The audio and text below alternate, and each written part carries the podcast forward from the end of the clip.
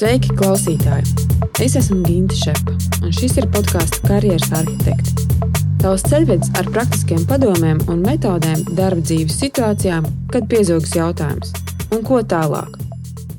Tās būs sarunas ar cilvēkiem no dažādām industrijām, par viņu karjeras ceļiem, dažādiem veidiem, kā cilvēki realizē sevi, un pāris praktisku padomu no manis saistībā ar karjeras attīstību. Karjeras arhitektiem var sekot arī Facebook un Instagram. Tur es mēdzu padalīties ar vērtīgiem resursiem saistībā ar karjeras attīstību. Šodien mans viesis ir finanšu eksperts un rakstnieks Toms Kreitsbergs. Savu karjeru Toms uzsāka Wallstreetā, strādājot divās lielās investīciju bankās. Latvijā Toms ir bijis viens no ieguldījumu pārvaldes sabiedrības Indexo līdzdibinātājiem un pirmais tās vadītājs. Vēl par Tomu jāpiemina, ka viņš vada mācības pārdošanas, biznesa sarunu, prezentāciju un uzņēmējdarbības jomā. Pat īpaši neiedziļinoties, var pamanīt, ka Toma profesionālajā bagāžā ir prasmes un zināšanas no dažādām disciplīnām. Un ar to es vēlos šodien parunāt par to, kā celt savu vērtību darba tirgu. Sveiks, Tom! Sveiki! Ja internetā pieejamā informācija nemelo, tad šobrīd tu vairs aktīvi neiesaisties indekso nu, ikdienas operacionālajā darbā. Tad ar ko tu nodarbojies? Kā tu pavadi savas dienas šobrīd? Šobrīd uh, Indexo mums ir jauns, jaudīgs izpildirektors uh, Ilija Refjevs, un es esmu pārgājis padomus līmenī, kas nozīmē, ka es joprojām iesaistos, bet varbūt ikdienā nedaudz mierīgāk. Attiecīgi šobrīd, jā, man ir pirmo reizi pēc tādiem ilgākiem gadiem atkal iespēja kļūt radošākam un izvērst darbību plašāk. Es uh, paralēli gan Latvijā vadu dažādas apmācības uzņēmumus par sarunu vešanu, pārdošanu, gan arī paralēli veidoju pats savu internetu biznesu, kas gan vēl ir pavisam dīgļos. Tā kā es tur vēl daudz neko nevaru stāstīt, bet, bet ambīcijas ir interesantas un, un redzēsim, kas sanāks. Nu, mierā tu nesēdi katrā ziņā. Tas ir skaidrs. Reiz dažādās aprindās varētu būt atšķirīgas asociācijas par tevi, kas ir Toms Kreisbergs, kādam tas ir asociācijas ar indekso, kādam Toms ir rakstnieks. Bet vai tu pats atceries savu pirmo apzināto karjeras izvēli par to, ko tu gribēji kļūt? Noteikti pirmā un visizteiktākā bija kļūt par rakstnieku. To es jau no kāda 11 gadus vecuma, gada vecuma gribēju sasniegt. Mm, tas ir interesanti, bet tavs ceļš, tāds karjeras ceļš aizsākās Ņujorkā. Tiesa? Jā, nu tas ir cits stāsts. Es eh, biju aizbraucis studēt ASV. Domāju, ka es studēšu ekonomiku. Tad sapratu, ka tur tie ekonomikas profesori priekš manis, man viņi toreiz likās pārāk sociālistiski, jo es, kā saka, pretreakcijā pret padomu laikiem biju ļoti karavīgi kapitālistisks. Tad es nolēmu, ka es tomēr studēšu fiziku. Izmācījos fiziku, man arī gāja labi, lai gan sākumā grūti, bet beigās ļoti labi. Tomēr es sapratu, ka Arī tas man tā kā tik ļoti nemotivē, ka man negribās tagad vairākus kādu desmitus nodarboties ar fiziku, lai cik tā būtu interesanta.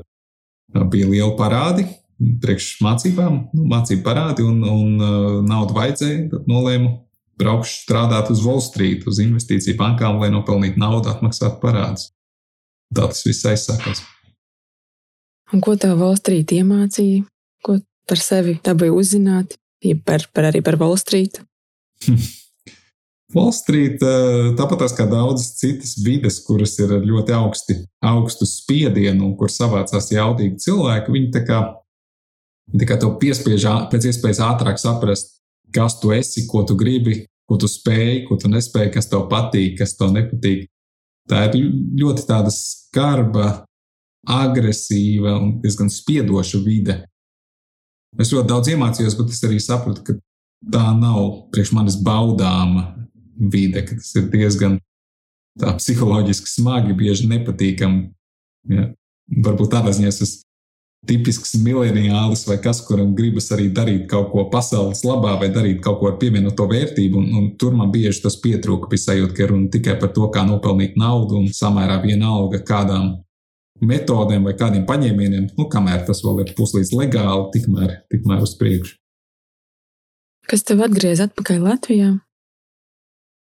Noteikti tas bija kaut kāds notikumu pagriezienu kopums. Nu, bet lielā mērā tie četri gadi, ko es pavadīju Wall Streetā, bija finanšu krīze, un tas bija diezgan nogurdinoši un nepatīkami kopā ar visu iekšējo politiku bankās. Un, un pēc šiem četriem gadiem bija tā, ka darbu pazaudēja mans priekšnieks, un attiecīgi man būtu bijis diezgan jāpārkvalificējas un jāmaina arī savs virziens, ja es gribētu turpināt tajā vidē. Un tajā pašā laikā man bija kaut kāda iekrājuma, un man radās pirmās profesionālās veiksmes kā rakstniekam. Un es nolēmu, ka es labprāt vēlos darīt kaut kādas lietas, kas man vairāk uzrunā, vairāk patīk dzīvē, pat ja par tām maksā daudz mazāk. Tas likās tāds labs pagrieziena brīdis, lai atgrieztos Latvijā. Tu jau pieskāries um, literatūras tēmai. Tieši gribēju jā, kā, tu, kā tu nonāci līdz lēmumam, kad uh, rakstīt savu pirmo grāmatu? Kas bija tas impulss tev? Pirmo grāmatu sāku rakstīt, droši vien, es nezinu, tur septiņu gadu vecumā. Bet nu, tas tālāk par vienu lapas pusi netika. Tad uh, tā nopietnāk, varbūt 11, 12 gadu vecumā, kur jau es diezgan grafomāna stilā lielus vārdu krājumus liku kopā un mēģināju kādu romānu par rūķiem un elfiem un par vēl nesko tur salipināt. Protams, kvalitāte nekāda nebija, bet jā, tas tā bija pirmā pieredze, daudz ko noteikti iemācījos no tā. Tā kā, nu, man, man tas kā no bērnības bija, pat īsti nebija tāda lēmuma punkta, tagad es rakstīšu lielo romānu. Un parasti arī rakstniekiem nu, reti ir tā, ka pirmais romāns, ko tu uzraksti, tas ir tas, ko nopublicē, un kurš tev atnes kaut kādu veiksmu. Parasti jau tas ir trešais, ceturtais vai piektais. Kurš tev tas bija? Es nes, neskaitīju precīzi, bet kaut kur tā aptuveni arī būtu. Ir vairāki, kā saka, jaunības vai bērnības romāni. Un tad, jā, nu, no tiem, kas pieaugušā vecumā bija viens, kuru es uzrakstīju, kurš, es teiktu, bija tāds izgāzies, kurš nesanāca, bet es viņu rakstot daudz ko iemācījos. Tad bija otrs, kurš, manuprāt, ir tīri labs, bet to nu man neizdevās pārdot. Un tad trešais, trešais bija Lopa ekspress, kas Latvijā labi aizgāja, un, un ceturtais bija Havanas kaķu karalis, kas aizgāja gan ASV, gan jau daudzās citās valstīs, arī Latvijā. Jā, es, es godīgi teikšu, es nezināju, ka tā romāna ir tulkot, izdoti desmit valodās, kas, manuprāt, ir ļoti labs sasniegums. Jā, romāni ir. Es nepateikšu, cik ir tieši romāni, četrās vai piecās valodās. Ja ņem visus stāstus, arī tad stāsti tur savācās pa desmit valodām. Jau. Mm -hmm. Vai pat 11. Tagad man kāds teica, ka ungāriski arī esot. Jā, nav daudz latviešu rakstnieku, kuriem būtu tādi tik plaši, tik plaši daudz valodās viņa darbi pārtulkoti. Bet ko tev pašam dod rakstniecība? Jo tas ir kaut kas pilnīgi, manuprāt, nu, cits lauciņš, ne tas, kur tu profesionāli sevi, kur valstrītā finanšu jomā darbojies. Rakstniecība, es nezinu, tas ir tāds, tas ļauj pašam padzīvot kaut kādās iedomu pasaulēs un uzzīmēt viņus pietiekami tā konkrēti, ka, ka viņas tev šķiet gandrīz reālas, vai pat dažkārt reālas. Un tas ir, es domāju, tā, nu, kā projām no bērnības valkoties līdzi, un tā, tāda forša nodarbe pafantazēt un padalīties ar savām fantāzijām ar kādu citu. Un, protams, kļūstot pieaugušākam, tev arī gribās varbūt padalīties ar kaut kādām atziņām vai novērojumiem. Un tad, nu, tad tās cilvēkiem ir ļoti svarīgi kaut kā izpausties un izpaust savu es, izpaust savas domas. Tad, ja to saliek kopā, nu, tad tas ir diezgan pievilcīgi tāda pie, pievilcīga nodarbe. Protams, arī pietiekami grūta un vientuļa un tā tālāk, bet, bet nu, viņi dod tādu emocionālu atdevi. Es tev arī minēju, ja, kad es noklausījos tavu uzstāšanos Subject Creativity konferencē, kur tu runāji par tēmu, ko nozīmē gaidot negaidīto. Par tiem nejaušajiem gadījumiem vai cilvēkiem, kas dienas beigās kļūst par pagrieziena punktiem mūsu dzīvēm. Kas tavā dzīvē ir bijuši negaidītie pavērsieni vai sastaptie cilvēki, kuri ir nospēlējuši būtisku lomu? Tādu cilvēku, protams, ir, ir ļoti daudz, kas ir, kas ir atstājuši lielu iespaidu. Var minēt mans draugs Sergejs Trišins, kurš uh, ir no Rīgas, bet jau sen sakma dzīvoja, mācījās Anglijā, pēc tam ASV. Un viņš, tad, kad viņš, man liekas, bija Harvardā pirmajā kursā, viņš atbrauca uz pirmo gimnāziju un mums stāstīja par to, kā var mācīties ārzemēs. Un, un mēs sadraudzējāmies. Viņš man ļoti palīdzēja pašam arī izvēlēties un aiziet tajā ceļā mācīties ASV un arī nonākt Wall Streetā, kur viņš tagad ir diezgan liels priekšnieks vienā bankā. tas bija viens no nu, ļoti, ļoti tāds, viena satikšanās, kas ļoti izmainīja man dzīvi. Arī, protams, ASV ir bijuši dažādi kontakti, dažādi cilvēki, kurus es satiku un kur man palīdzēja aiziet pilnīgi citā virzienā, gan rakstniecības pasaulē, gan citur. Latvijā, kad es atgriezos Latvijā, es sapazinos ar Baņu Trūbesu, un Baņu tu man ievirzīja daudzos citos, nu, tā kā sociālās, Latvijas sociālajās aprindās sapazīstināja ar daudziem cilvēkiem, kas pēc tam atstāja uh, lielu iespēju uz manu tālāko dzīvi. Nu, piemēram, kaut vai vistiešākā veidā ar savu māsu Baibu Rubes, kurš savukārt man iepazīstināja ar Valdu Siksni, kurš savukārt man uzaicināja pēc tam palaist indekso projektu kopā ar viņu un, un viņa partneriem. Tā kā nu, tas, tā, tās nejaušības ir, ir ļoti daudz, kas izveido to tavu dzīves ceļu. Tas nav nekas unikāls man, tas mums, mums ir vis, tā visiem. Galvenais, lai mēs esam kā, atvērti tam nejaušībām, un, un tu nekad nevari zināt, vai viena konkrētā iepazīšanās kaut kur novedīs, bet, ja būs pietiekami atvērts, tad, tad dzīve noteikti veidojas interesanti. Vai ne? Šis gan bija interesanti, kā, kā tavs ceļš līdz indekso faktiski aizgāja no kuras puses. No rakstniecības puses īstenībā, Jā. zināmā mērā. Jā. Jā, es piekrītu tai domai par to, ka mēs dažkārt pat eh, varbūt tajā mirklī neapzināmies, ko tas cilvēks, jeb tā tikšanās vai notikums, un kādas durvis mums atvērsies pēc tām. Tam tā jābūt tādam ļoti, ļoti atvērtam prātam uz notikumiem un sastaptiem cilvēkiem. Um, parunāsim par prasmēm un zināšanām. Reku Pasaules ekonomikas fórums nesen rakstīja par to, kā mainīsies akadēmiskās izglītības nozīme darba tirgū. Un tā ideja bija par to, ka četru gadu laikā apgūtās akadēmiskās zināšanas nebūs vairs nu, relevantas esošam darba situācijai, un mēs to jau tagad piedzīvojam, mēs varam redzēt mūsu izglītības sistēmā. Un es konkrētāk, man tā ikdiena vairāk sanāk saskarties ar IT speciālistiem, tad bieži vien ir tā, ka no tās universitātes studentam atnākot darba vidē, ir milzīga plaisa. Arī zināšanu jomā, ja to, ko mācīja universitātē, pret to realitāti, ko pieprasa biznesa vide. Ko tu domā par šo? Par šīs akadēmiskās izglītības nozīmi, pret eh, varbūt tādām, nu, kā saka, zināšanas prasmes uz Angliski ir tas eh, teiciens on demand, ja, pēc pieprasījuma, ka mēs mācāmies. Es nezinu, vai tā ir īstā tā dihotomija, vai tas, nezinu, kā pateikt, tas sadalījums, on demand vai akadēmiskais. Tas, kas man šķiet diezgan acīm redzams, ir, ka akadēmiskā izglītība ir diezgan iestrēgusi pagātnes pieejās. Mums pēdējos dažos gadu desmitos ir, ir ļoti spēcīgs pētījumu kopums, sākot ar slaveno profesoru Andersu Eriksonu par to, kā cilvēki reāli mācās lietas, kā viņi kļūst prasmīgāki un kā viņi sasniedz meistarību. Un, un ir izpētīts, kā, kā cilvēki attīst savas spējas, un tam ir ļoti maz sakars ar, ar to tipisko akadēmisko pieeja, kur tev varbūt ir lekcijas pa kādam mājas darbam un, un eksāmeni. Tas, tas galīgi nav efektīvākais veids, kā reāli iemācīties kaut kādas un apgūt kaut kādas prasmes, vai, nu, vai pat zināšanas, vai pat kļūt par ekspertu kaut kādā jomā. Un patiesībā es domāju, ka ir milzīgs potenciāls tiem, kas, kas varētu šo akadēmisko sektoru pār, pārlikt uz citām sliedēm, ieviest modeļus, kas ir zinātniskā pieejā balstītas par to, kā reāli cilvēki mācās.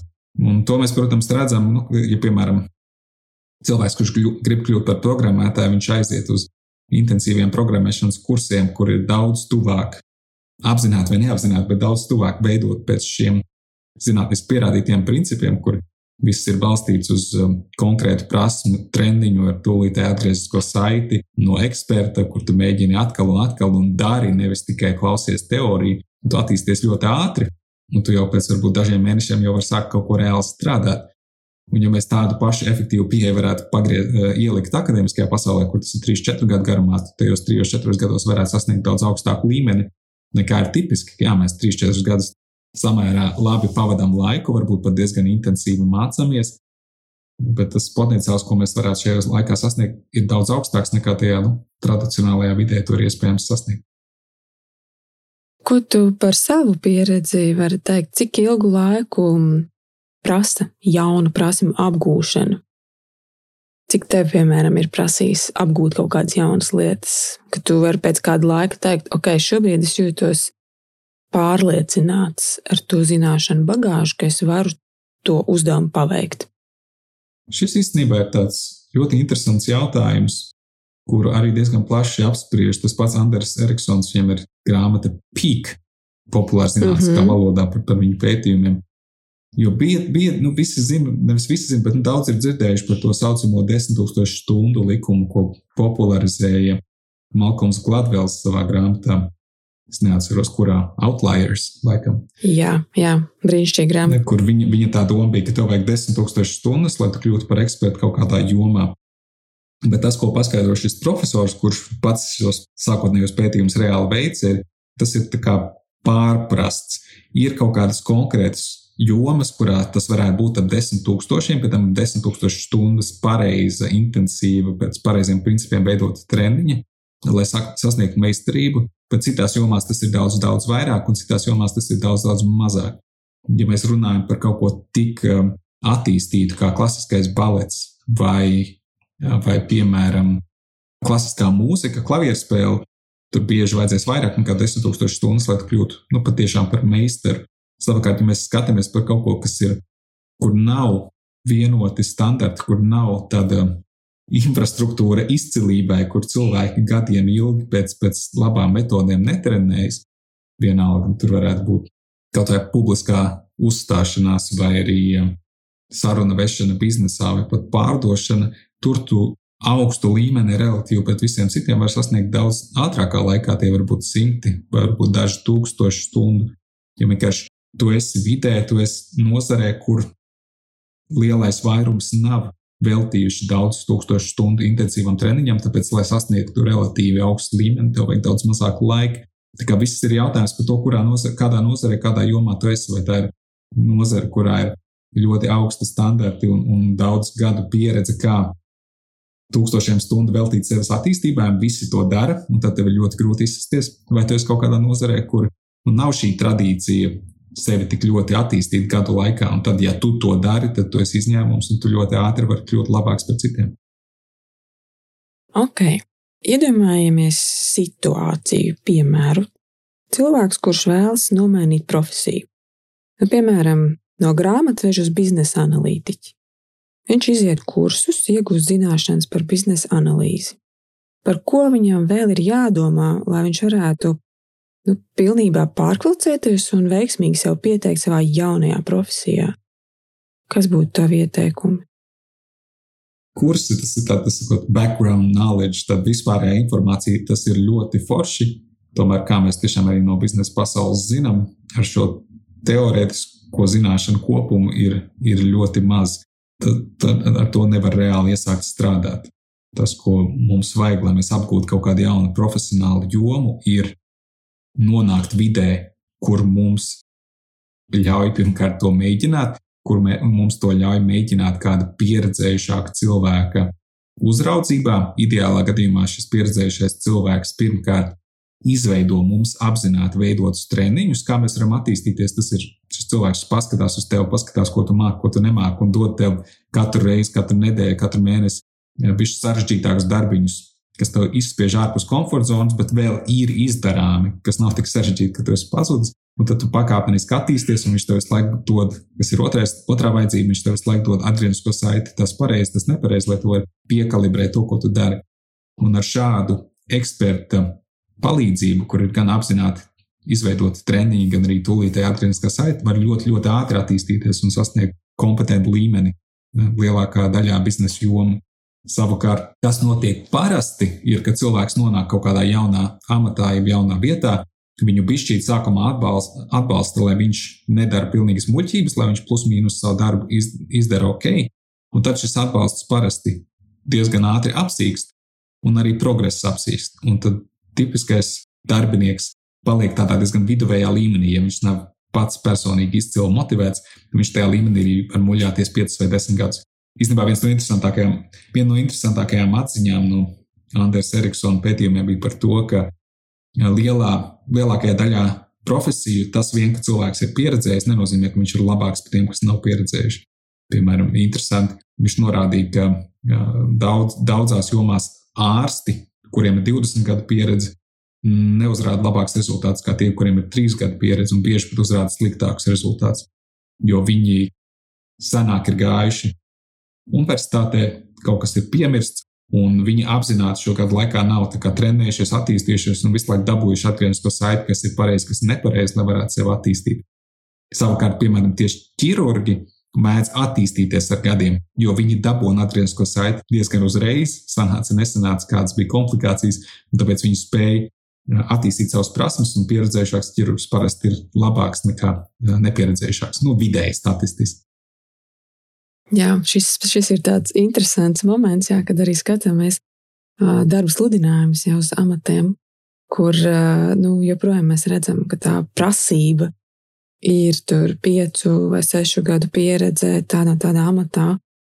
Un tad ir jā, tieši tā jāpavērtē, vai, vai tiešām tas gadu skaits tai pieredzē tur ir tas, nu, kas nosaka to zināšanu kvalitāti. Tas laikam tāds vēl vēsturisks nospiedums. Nu, tur, tur, tur ir divi, divi aspekti šim. Viens ir, nu, nevar arī, nevar arī pārspīlēt. No vienas puses, tas, ka cilvēkam ir daudz gadu pieredze, nenozīmē, ka viņš ir ļoti labs.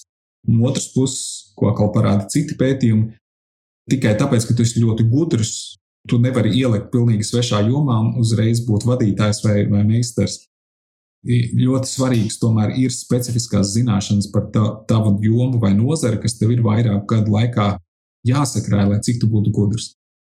Bet nu, tas, kas tiešām ir taisnība, ka, nu, ja, ja cilvēks ir trīs gadus intensīvi strādājis un, un, un sevi attīstījis kaut, kā nozare, kaut kādā nozarē, viņš bieži būs tikpat labs vai jaudīgāks kā citi, kas 20 gadus ir eh, muļājušies tajā nozarē.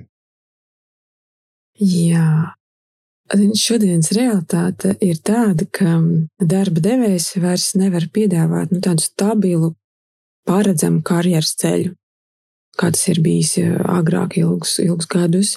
Jo nu, skaidrs, ka tā uh, biznesa vide, ja ir tik dinamiska un ārēji faktori, kas mūs tik ļoti nu, ietekmē, kad uh, ir grūti kaut ko paredzēt. Un tad ir jautājums, kā cilvēkam raudzīties uz savu karjeras ceļu, kad darba devējs vairs nespēja piedāvāt to skaidro vīziju. Kad tas uh, es kļūstu pilnībā atka, uh, atbildīgs par savu karjeras ceļu, neatkarīgi no tā, kas, kas manam darba devējam ir padomā, kā man skatīties, par ko man domāt, kādas prasmes apgūt.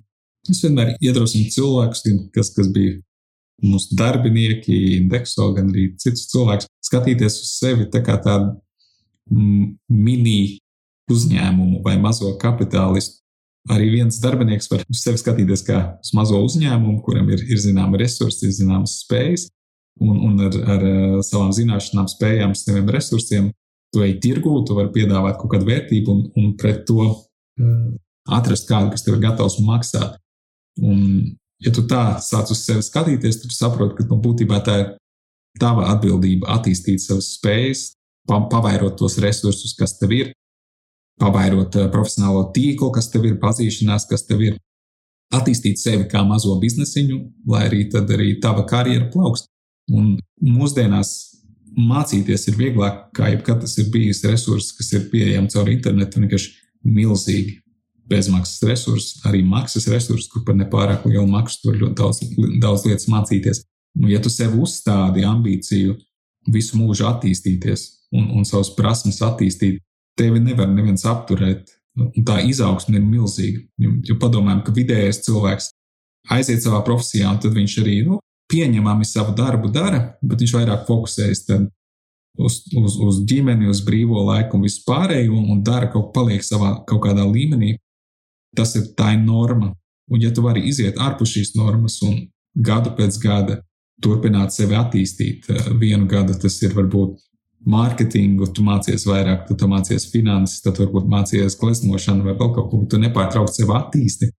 Tad pēc 5, 10, 15 gadiem tev ir milzīgs spēju atrāviens no, no apkārtējiem, un, un tu arī kā tāds jaudīgs mazais biznesiņš parasti var tirgu atrast, ka par to samaksā un attiecīgi pelnīt daudz vairāk nekā apkārtējie. Pašam jābūt mazam uzņēmējam.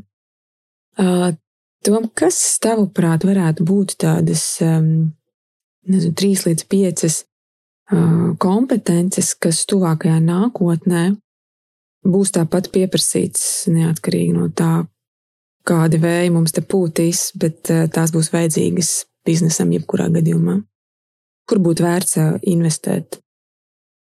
Es domāju, ka es te neko ārkārtīgi unikālu vai jaunu nepateikšu. Es domāju, ka diezgan acīm redzams, ka pirmkārt matemātikas spējas ir, bija un vienmēr būs ārkārtīgi vērtīgas.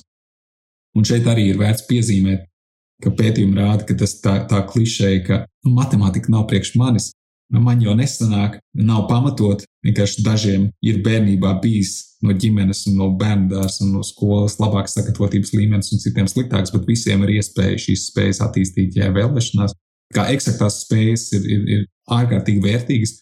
Ja kāds vēl ir periodā, kur mēģina domā izvēlēties, ko mācīties, es vienmēr iesaku izvēlēties eksaktās zinātnes, tāpēc ka eksaktās zinātnes uztrenē tavus smadzenes, uztrenē tavu matemātisko domāšanu. Eksaktajās zinātnēs gandrīz vienmēr ir pareizā vai nepareizā atbilde, kas nozīmē, ka tu dabūji atgrieztisko saiti un, un spēj ātri savu loģisko domāšanu attīstīt. Pēc tam, to, protams, jāspēj pielāgoties reālajai pasaulē, bet priekš, priekš izglītības tas ir ļoti labi. Kā, gan, bet no arī tiem, kas, kas jā, ir pabeiguši universitāti, vienmēr var turpināt attīstīt savas matemātiskās uh, spējas. Otrs, nu, pilnīgi neapšaubām, ir uh, IT ļoti plašā ziņā. Vis, nav visiem jāmatās programmēt. Es pats arī nekāds lielais programmētājs neesmu. Bet ir ļoti vērtīgi, ka tu kā, vismaz konceptuālā līmenī saproti, kā strādā dators, kā strādā internets, kā strādā algoritmi, kas ir mūsdienās API, ja, kā, mm -hmm. nu, kas ir kaut kādas populārākās ja, IT tehnoloģijas, kā strādā mākonis kā, un kā šos resursus var izmantot. Un tad, kad tu vismaz apzinājies, kas ir pieejams un kā tas aptuveni strādā, tad tu vari vienmēr palūgt ekspertam, lai viņš atnāk, sakonfigurē, uztaisa to, ko tev vajag. Bet, ja tu vispār nesaproti, kādas ir iespējas un, un kā šīs lietas strādā, tad ir ļoti grūti. Un šo vispārējo saprāšanas līmenī, tur tas nav tehnisks, to var jebkurš. To tiešām var jebkurš apgūt, un arī ļoti daudz internetu resursu, kas palīdzēs to apgūt. Tā kā es teiktu, tāda izpratne par to, ko var šodien datori, tas, tas ir ārkārtīgi vērtīgi. Un tad trešais lielais virziens noteikti ir komunikācija, rakstiskā komunikācija, spēja skaidri, pārliecinoši uzrakstīt kaut ko, mutvārdu komunikācija, spēja skaidri, pārliecinoši pastāstīt, runāt, vizuālā komunikācija, dizaina spējas, spēja uztaisīt smuku mājaslapu, vismaz, vai vismaz pieskatīt kādu, kas uztaisa smuku, pārliecinošu, efektīvu mājaslapu. Komunikācija, protams, nekur nepazudīs. Tā ir ārkārtīgi svarīga prasme. Un, un ja tev ir visas trīs, ja tev ir matemātiskā domāšana, saproti dators un saproti, kā veiksmīgi komunicēt, man liekas, tā jau ir ļoti spēcīga kombinācija, kur vienalga vai biznesā, vai, vai vienkārši kā darbinieks, tu, tu kļūsti ļoti, ļoti vērtīgs un vari daudz ko sasniegt. Kas ir tavas tēmas, ar kurām tu strādā, kā treneris pasniedz mācības? Pēdējo astoņu gadu laikā es esmu pasniedzis dažādas lietas. Sākot, pirmais, ko es pasniedzu, bija tieši prezentācijas prasmes no komunikācijas sērijas, kas man joprojām ļoti patīk. Šis, šis jautājums, kā nostāties publikas priekšā, kas varbūt sākumā nav tik draudzīga, vai, vai vienkārši pārņemt ar savām domām un paņemt publikas uzmanību un aizvest publiku no tās vietas, kur viņi ir sākumā, uz to vietu, kur tu gribi, lai viņi nonāk. Tas ir ļoti interesants temats, kuras es daudz pats strādājis, un man patīk arī cilvēkiem patīk. Eh, man patīk arī cilvēkiem palīdzēt saprast, kā to veiksmīgāk izdarīt. Otra lieta, ko es esmu mācījis, ir pārdošana. Tur man ir pēdējos gados arī Indexo ļoti daudz tieši praktiskā pieredze, kā izveidot efektīvus gan klātienes, gan telepārdošanas kanālus. Un Īstenībā tas ir ļoti saistīts ar, ar to, ko es nu pat runāju par prezentēšanu, jo, jo pārdošana ir tas pats. Tu paņem cilvēku, kurš varbūt grib tev pretoties vai negrib tev klausīties, vai arī labākajā gadījumā ir neitrāli noskaņots, un tu ar saviem vārdiem, ar saviem jautājumiem, ar saviem argumentiem ietekmē to, kas notiek viņa smadzenēs, līdz viņš nonāks pie secinājuma, ka vajag no tevis pirkt. Un tas, kā to izdarīt, tas, manuprāt, ir ļoti interesanti. Kā to izdarīt ētiski un tajā pašā laikā efektīvi, tas man liekas, ir ļoti interesanti. Man patīk ar to strādāt. Tad tas ir tavs darbs, indekso pārstāv, kas bija veikalos manām ar stendiem, pārdevēji. Tas, nu, protams, ir komandas darbs. Jā, jā. Taču nu, tajā laikā, protams, es biju ļoti, ļoti, tajā pašā laikā es biju ļoti cieši iesaistīts tajā. Es pat pirmajās dienās pats gāju uz veikalu un stāvēju, lai saprastu, kas strādā un nestrādā, nu, un lai efektīvāk izveidotu tās sistēmas. Bet tur palīdzēja arī daudz citu jaudīgu pārdevēju. Tas noteikti no tā, ka es viens pats. Bet pieredze bija interesanta. Jā, un trešais, ko es pašais eh, pasniedzu, kas ir ļoti labi aizgājis, jo pēc tam diezgan liels pieprasījums ir saruna vešana, tā skaitā kaulēšanās. Tas ir kā, kā vest sarunas biznesa kontekstā un panākt to, ko tu vēlies, vienlaicīgi saglabājot labas attiecības, draudzīgas attiecības ar sarunu partneri. Tas ir kā būt uztaigam, kā panākt izdevīgas nosacījumus, bet tajā pašā laikā kā neaizvainot, kā nesagraut cilvēku un, un nepalikt ar sliktu reputāciju. Oi, kalēšanās lieta vispār, manuprāt, ka latvietiem ir diezgan sveša un grūta lieta. Ne? Nav, kāda tev novērojuma, cik mēs esam labi kalētāji? Tas vispār pie mums vispār ir diezgan tie rietumu pasaulē, tāpat arī Amerikā, nav pārāk pieņemts ikdienā, tāpēc mums tās prasmes nav tik augstā līmenī no bērnības, kā tas mēdz būt austrumu zemēs tas vienlaicīgi arī dod ļoti lielu iespēju tiem, kas bišķi pamācās un saprot, kā to labāk darīt. Es nedomāju, tīri tajā līmenī, ka mēs tagad visi iesim uz, uz depo vai uz kādu lielveikalu, nu, lielveikalu un tur sāksim kaulēties. Nu, tur tā kultūra mums ir tāda, kā ir. Tur kaut kādas iespējas ir, bet nu, nav pieņemts, ka mēs tur baigi kaulēsimies. Taču biznesa kontekstā nu, kaulēšanās ir diezgan neizbēgama, jo daudzos gadījumos nav viennozīmīgas atbildes, cik konkrēts pakalpojums vai cik konkrēts produkts maksā, kas ir objektīva cena. Un vienalga, vai tu māki vai nemāki, tu kaut kādā veidā kaulējies, tu veic sarunas. Un, ja tu esi šo lietu pastudējis un saproti labāk, kā to darīt, tu vari dabūt daudz vairāk vērtības no darījumiem nekā tie, kas vienkārši, kas saka, pēc intuīcijas to dara, bet bez nekādiem apzinātiem principiem. Triki jāzina. Triki. Nu, labi, Tom, nobeigumā man jāvaicā, kādas prasmes tev ir visvairāk palīdzējušas tavā karjeras ceļā? Es, es domāju, es šeit nete, nerunāšu par konkrētām prasmēm, bet par attieksmi. Tas ir tas saucamais growth versus fixed mindset, jeb izaugsmes vai fiksētais pasaules skatījums. Fiksētais pasaules skatījums, kas ir pasaulē diezgan izplatīts, ir tāds, ka tev ir tie talanti, kas tev no dabas ir. Un, ja tev kaut kas sanāk, tad fantastiski strādā pie tā. Ja tev kaut kas nesanāk, nu, tad tas nav īsti priekš tevis. Nu, tas tas pats variants. Es jau neesmu muzikāls, vai man matemātika nepadodas, vai tam līdzīgi. Un ir otrs skatījums, kas saka, ja tev pašais kaut kas nesanāk, tas ir tāpēc, ka tu vēl neesi pietiekami daudz par to mācījies, pietiekami trenējies. Tev vajag atrast labu skolotāju, tev vajag atrast veidus, kā trenēties, un arī tu vari kļūt labs. Pētījumi rāda, ka abiem pasaules skatījumiem ir taisnība. Tas ir, ja tev ir fiksētais skatījums, tad tev tiešām to arī būs tik ierobežots, kā tu domā, jo tu neattīstīsies, tāpēc ka tu baidīsies vai neticēsi, ka tas ir iespējams. Un, ja tev būs izaugsmes pasaules skatījums, tad arī tev būs taisnība, tu tiešām varēsi izaugt praktiski jebkurā jomā. Tā paša Andrēs Eriksona pētījuma parāda, ka vienalga, vai tu gribi būt labs matemātikā, fizikā, klavieru spēlē vai kādā citā jomā, ja tu esi plus mīnus normāls vidējais cilvēks ar, ar pareizi veidotiem treniņiem un lielu darbu, tu vari to sasniegt. Tas ir iespējams. Man kaut kā vienkārši no bērnības šis, šī ticība ir bijusi. Man viņa nevajadzēja kaut kā mākslīgi izveidot. Tas man ir palīdzējis sevi attīstīt daudzās dažādās jomās. Tad, kad man kaut kas nesanāca, vienkārši turpināt strādāt un attīstīt. Tas palīdz vēl joprojām, un, un mūsdienās cenšos šo ticību nodot arī citiem, lai mēs visi sevi visu mūžu turpinam attīstīt. Super! Paldies, Tom!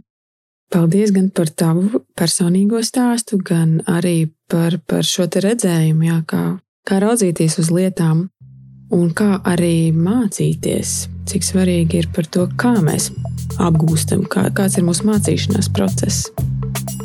Es tev novēlu turpināt radoši darboties savā literārijā karjerā, gan arī turpināt izglītot sabiedrību par finansēm, un palīdzēt augt tajās prasmēs, zināšanās ar to, ko tu iepriekš pieminēji, tēmām, kur tu strādā, gan publiskā runa, gan pārdošanā. Es domāju, ka būs daudz, kas no tevis varēs mācīties. Kā milzīgs paldies tev! Paldies, Lielas! Un tev, klausītāji, es novēlu sākt apzināti veidot savu prasmu, zināšanu bagāžu un nebaidīties testēt jaunus virzienus. Paldies, un tiekamies pēc nedēļas. Atā!